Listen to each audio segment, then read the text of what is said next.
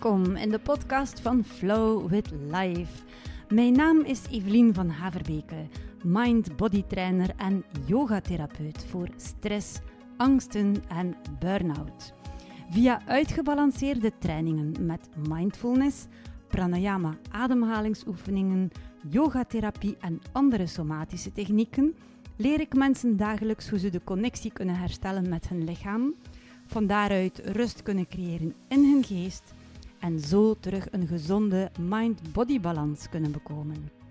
In deze podcast vertel ik jou dan ook heel graag wat jou kan helpen op jouw zoektocht naar een gezonde geest en een gezond lichaam.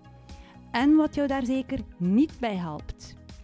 Hier geen holle goeroe-uitspraken en loze beloftes. Wel professioneel, eerlijk advies en concrete tips. Spits dus je oren, ga meteen aan de slag en vooral flow with life.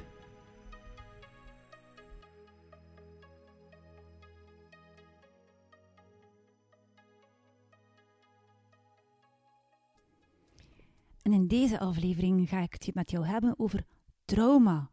Een heel actueel thema. Er is de laatste jaren veel meer aandacht voor trauma en de aanpak ervan verschuift steeds meer van het hoofd naar het lichaam. En dat is een heel goede zaak. Het ene na het andere boek verschijnt ook om dit allemaal te duiden. Waarom we met het lichaam moeten gaan werken om trauma te kunnen helen. Zo is er bijvoorbeeld het boek The Body Keeps the Score of in het Nederlands Traumasporen van Bessel van der Kolk en dat is al jaren een bestseller. En ook de mythe van normaal van Gabor Maté ligt nog steeds prominent in alle boekhandels. Dat boek is recenter, het gaat ook over trauma. En er is steeds meer interesse voor de methodes van Peter Levine, Richard Schwartz en Stephen Porges. En dat zijn allemaal experten in trauma. De ene werkt met somatic experiencing, de andere met interne familiesystemen en dan is er ook nog de polyvagaaltheorie. Als jou dat allemaal als Chinees klinkt, dan ga ik jou wat duiding geven in gemakkelijke taal. Want al deze superspecialisten die hebben het eigenlijk ook wel min of meer over hetzelfde. Wat trauma betreft vertrekken ze in elk geval allemaal vanuit hetzelfde standpunt. En dat is, om te beginnen is trauma niet iets dat jou overkomt, het is iets dat gebeurt in je lichaam door iets dat jou is overkomen. En we moeten dan ook in dat lichaam gaan werken om het trauma te helen. En dat is het standpunt van elk van deze specialisten, de grootste specialisten ter wereld als het gaat over trauma. We kunnen trauma dus niet helen door erover te praten. In het beste geval is het niet nuttig. In het slechtste geval is het ook ronduit schadelijk. Want wanneer je praat over wat jou een trauma heeft bezorgd, dan ga je het ook herbeleven. Dan ga je al die emoties weer ervaren. Die emoties die ervoor hebben gezorgd dat je ging bevriezen. Want dat is trauma, dat leg ik jou zo meteen uit. En zo versterk je eigenlijk het trauma in je lijf. Maar om te beginnen dus, wat is trauma nu precies? En hoe moet je er dan mee aan de slag gaan? Want het is echt wel iets waar je kunt van genezen. Het hoeft geen levenslange veroordeling in te houden. In feite is trauma dus een bevriezingsreactie in je lichaam. En dat zit zo. Wanneer wij gevaar waarnemen, dan roept dat angst op. Onze vecht- of vluchtreactie wordt dan meteen geactiveerd. Dat gaat nu eenmaal zo in de natuur, het is zo bij de dieren en ook bij ons als mens. We zijn eigenlijk ook nog altijd min of meer een dier.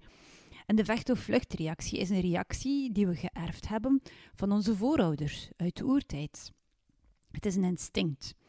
Er is gevaar En ons lichaam maakt zich klaar om ofwel te gaan vechten tegen wat ons bedreigt, of om eventueel op de vlucht te slaan als dat gevecht misschien niet zoveel kans heeft. Zoals bijvoorbeeld prooidieren in de natuur, die zullen natuurlijk op de vlucht slaan. Die zullen niet gaan vechten met een roofdier dat hen bedreigt. Alleen, soms kunnen we niet vechten en ook niet vluchten. En dat gebeurt vooral als kind. Heel veel trauma's komen vanuit de kindertijd. Want als kind staan we vaak machteloos tegenover wat ons bedreigt. Zelf hield ik een zwaar trauma over aan pesterijen in mijn kindertijd. Hoe zou je als kind ook het gevecht kunnen aangaan als een hele groep jou bedreigt? En hoe kun je op de vlucht slaan als je op school bent en dat is nu eenmaal de plek waar je moet zijn, je kunt er niet van weglopen.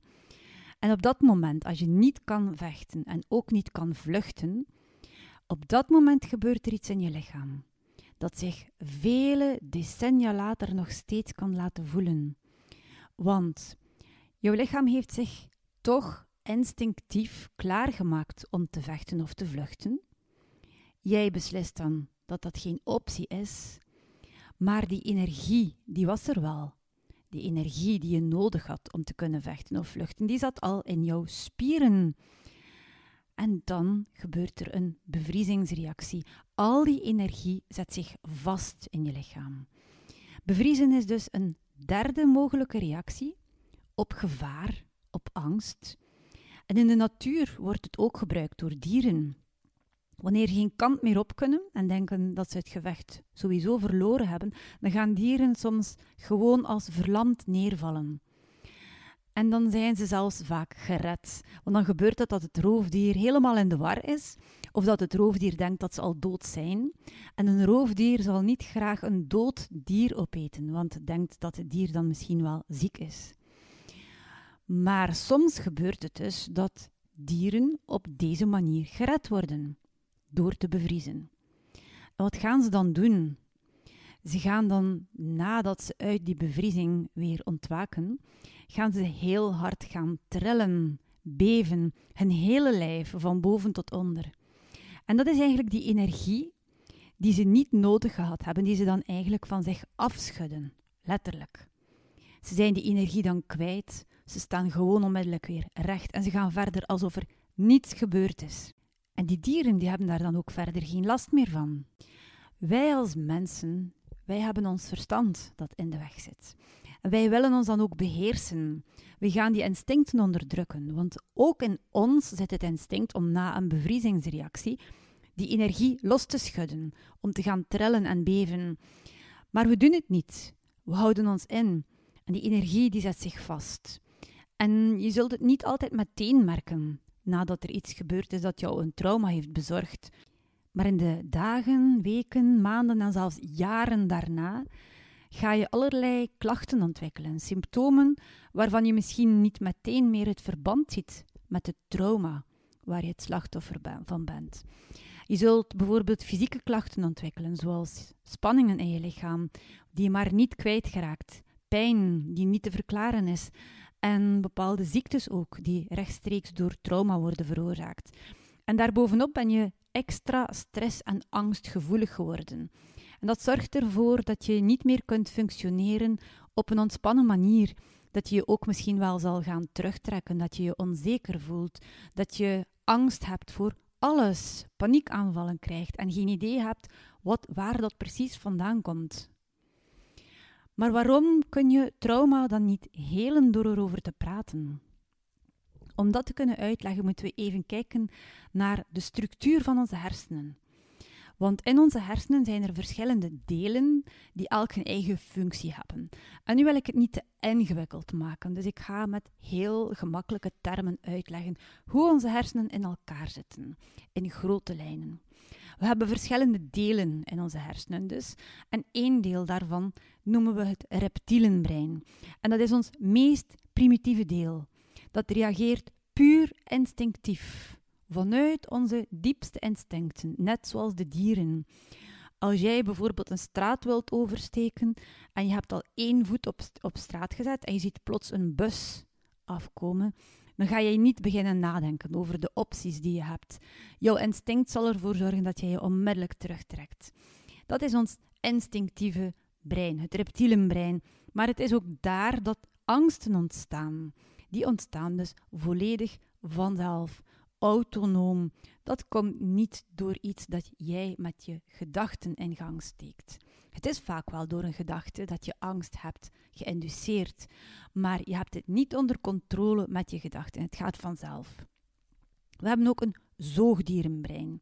En dat noemen we dan het limbische brein. En daar gaat het meer over emoties en sociale relaties. Bijvoorbeeld zoogdieren, die weten ook dat ze in groep sterker zijn. Bijvoorbeeld prooidieren die gaan in groep weten dat ze sterker zijn tegenover roofdieren. Die beseffen dat. En die hebben dus eigenlijk ook hun zoogdierenbrein dat ze daarvoor aanspreken. Dat hebben wij ook. Maar we zijn een speciale diersoort. We zijn mensen. En we hebben dus ook nog de neocortex. En dat is een deel dat alleen wij hebben, mensen. En dat ons in staat stelt om te denken, te reflecteren, te analyseren, te plannen. Maar het is ook dat deel dat ons leven erg lastig kan maken. Want het is met dit rationele deel van onze hersenen dat we ook eindeloos blijven hangen in het verleden, dat we angst hebben voor de toekomst, dat we gaan piekeren. Het is ook met dit deel dat we onszelf vertellen dat onze angst onterecht is. Dat we nu eindelijk eens moeten stoppen met ons op te jagen omdat er geen reden voor is. En dan moeten we ervaren dat dit eigenlijk niets uithaalt. Dat we kunnen blijven praten tegen onszelf, maar dat onze emoties en ons stressniveau gewoon hetzelfde blijven of misschien zelfs nog erger worden. En hoe komt dat dan? Wel, het primitieve brein spreekt een andere taal dan onze neocortex, ons rationele deel. En ons rationele deel zijn wij bezig met de reden en gaan wij met woorden spreken, begrippen. Ons primitieve brein begrijpt die taal niet. En ons primitieve brein is een stukje, en dat heet de amygdala.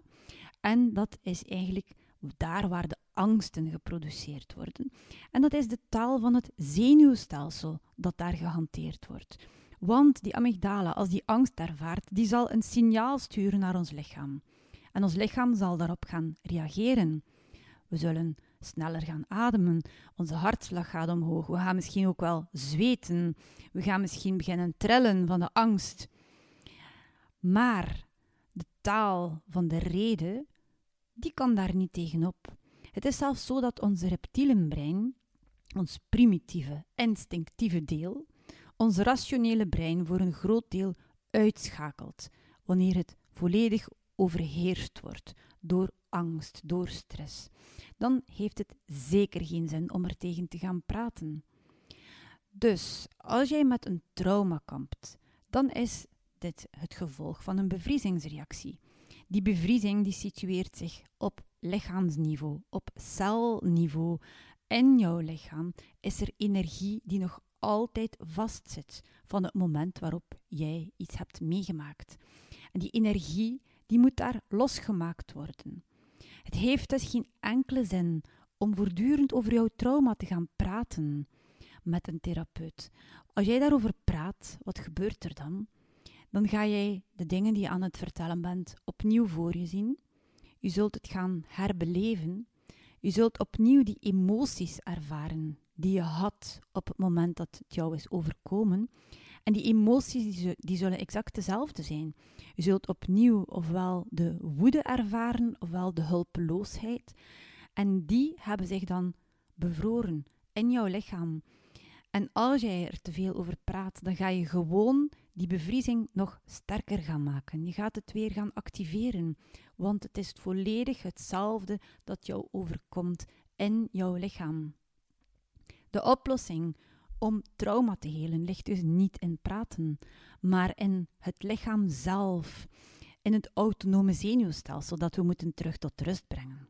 En dat gaat niet met woorden, gedachten, redeneren, want het autonome zenuwstelsel spreekt zijn eigen taal en het heeft alles te maken met voelen.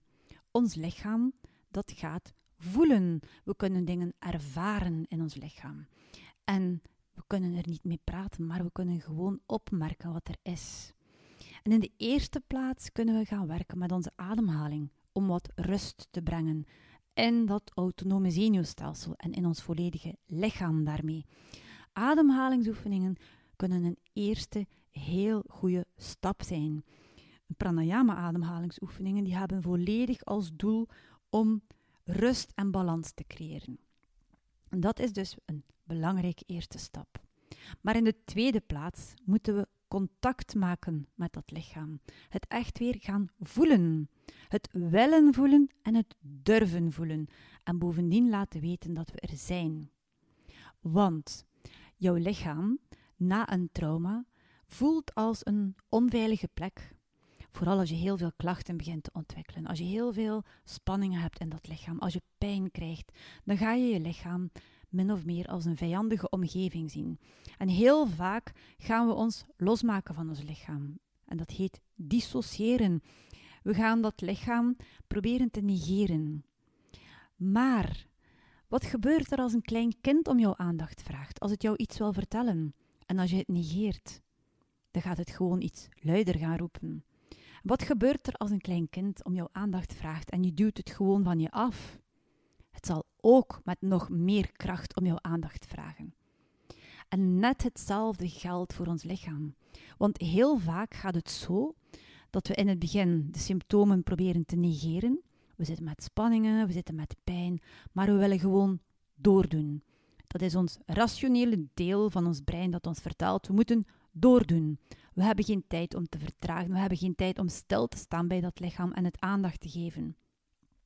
Op een bepaald moment kun je het niet meer negeren. De pijn wordt erger, de spanningen zorgen ervoor dat je helemaal beperkt wordt in wat je wil doen. En wat gaan we dan heel vaak doen? We gaan het gewoon onderdrukken. We gaan er weerstand tegen ontwikkelen. We willen ons niet voelen zoals we ons voelen. En we gaan pijnstillers nemen en we gaan medicatie nemen om onze spieren tot rust te brengen. Maar op die manier geven we opnieuw geen aandacht aan dat lichaam, dat wel om aandacht vraagt. Ons lichaam zegt ons: het is niet oké, ik heb een probleem. En het lichaam wil dat er balans is. Het streeft naar gezondheid. Het wil balans creëren. Maar we houden dat tegen met ons verstand. Want we willen niet stilstaan bij wat dit lichaam ons vertelt. En daardoor, omdat we echt wel dat contact moeten herstellen en aan ons lichaam zeggen: Ik voel jou, ik weet dat je er bent, ik ben bij jou, ik wil luisteren naar wat jij te zeggen hebt en ik wil jou helpen. Omdat we dat moeten kunnen bekomen, zijn er enkele prachtige theorieën ontwikkeld vanuit die allergrootste specialisten wat trauma betreft. Die hebben technieken ontworpen die ervoor zorgen dat we heel actief contact gaan maken met dat lichaam. Ik ga hier nu niet diep kunnen ingaan op al die technieken, want anders zou dit wel een hele lange podcast worden. Ik zal zeker in volgende afleveringen wel nog aan bod laten komen. Maar ik wil even aanhalen dat Somatic Experiencing van Peter Levine een heel mooie methode is. Daar ga je actief op zoek naar de plekken in je lichaam waar de spanning of de pijn zich situeert. En ga je eigenlijk door mindful je aandacht te houden bij die pijn, bij die spanningen, door pendulatie en door nog andere methodes die hij heeft ontwikkeld en die ik hier nu dus niet meteen zal uitleggen, maar wel later nog, ga je eigenlijk zorgen dat het lichaam die aandacht krijgt, dat het weet dat het gehoord wordt. En dan gaat het ook ontspannen. En stap voor stap wordt die energie die vastgezet werd in je lichaam dan ook vrijgemaakt. Er is ook de prachtige methode van Richard Schwartz en die heeft interne familiesystemen ontworpen. En dat is eigenlijk een theorie waarbij hij ervan uitgaat dat jij verschillende delen hebt in jouw lichaam, in jouw persoonlijkheid ook. En je zult het wel herkennen als ik jou vertel dat er bepaalde dingen zijn die je soms wilt doen en een deel van jou zegt dat je er moet voor gaan en een ander deel twijfelt. We hebben dat allemaal. We hebben die contradicties en wat we denken, wat we voelen en wat we willen of niet willen. En we hebben dat ook in ons lichaam, die verschillende delen. Ze manifesteren zich op verschillende manieren. En hij gaat daarmee aan de slag. Hij gaat in communicatie met die verschillende delen. En die laat dan zelfs de delen onder elkaar ook communiceren. Het is een heel, heel mooie therapie. Maar in elk geval, wat zij alle twee doen, en ook de polyvagaaltheorie van Stephen Porges is daarop gebaseerd. Ze gaan in het lichaam. Ze zien het lichaam als een levend wezen, wat het natuurlijk ook is. Een levend wezen dat om aandacht vraagt, dat het noorden kwijt is, dat uit balans is en dat niets liever wil dan de balans herstellen. Ons lichaam zal ons helpen als wij het maar bijstaan. En we moeten er altijd in elke theorie in elk van deze methodes moeten we mindful aanwezig blijven bij wat er is, bij de pijn, bij de spanningen, zonder te oordelen, zonder het als goed of slecht te bestempelen. En ik merkte toen ik onlangs bijstudeerde en een certificaat behaalde voor yogatherapie, voor angst en stress, dat er heel veel overlappingen zijn tussen die nieuwe theorieën en de oude theorieën. Want de wijsheid die heeft al altijd in de mens gezeten. Hoe we onszelf moeten genezen.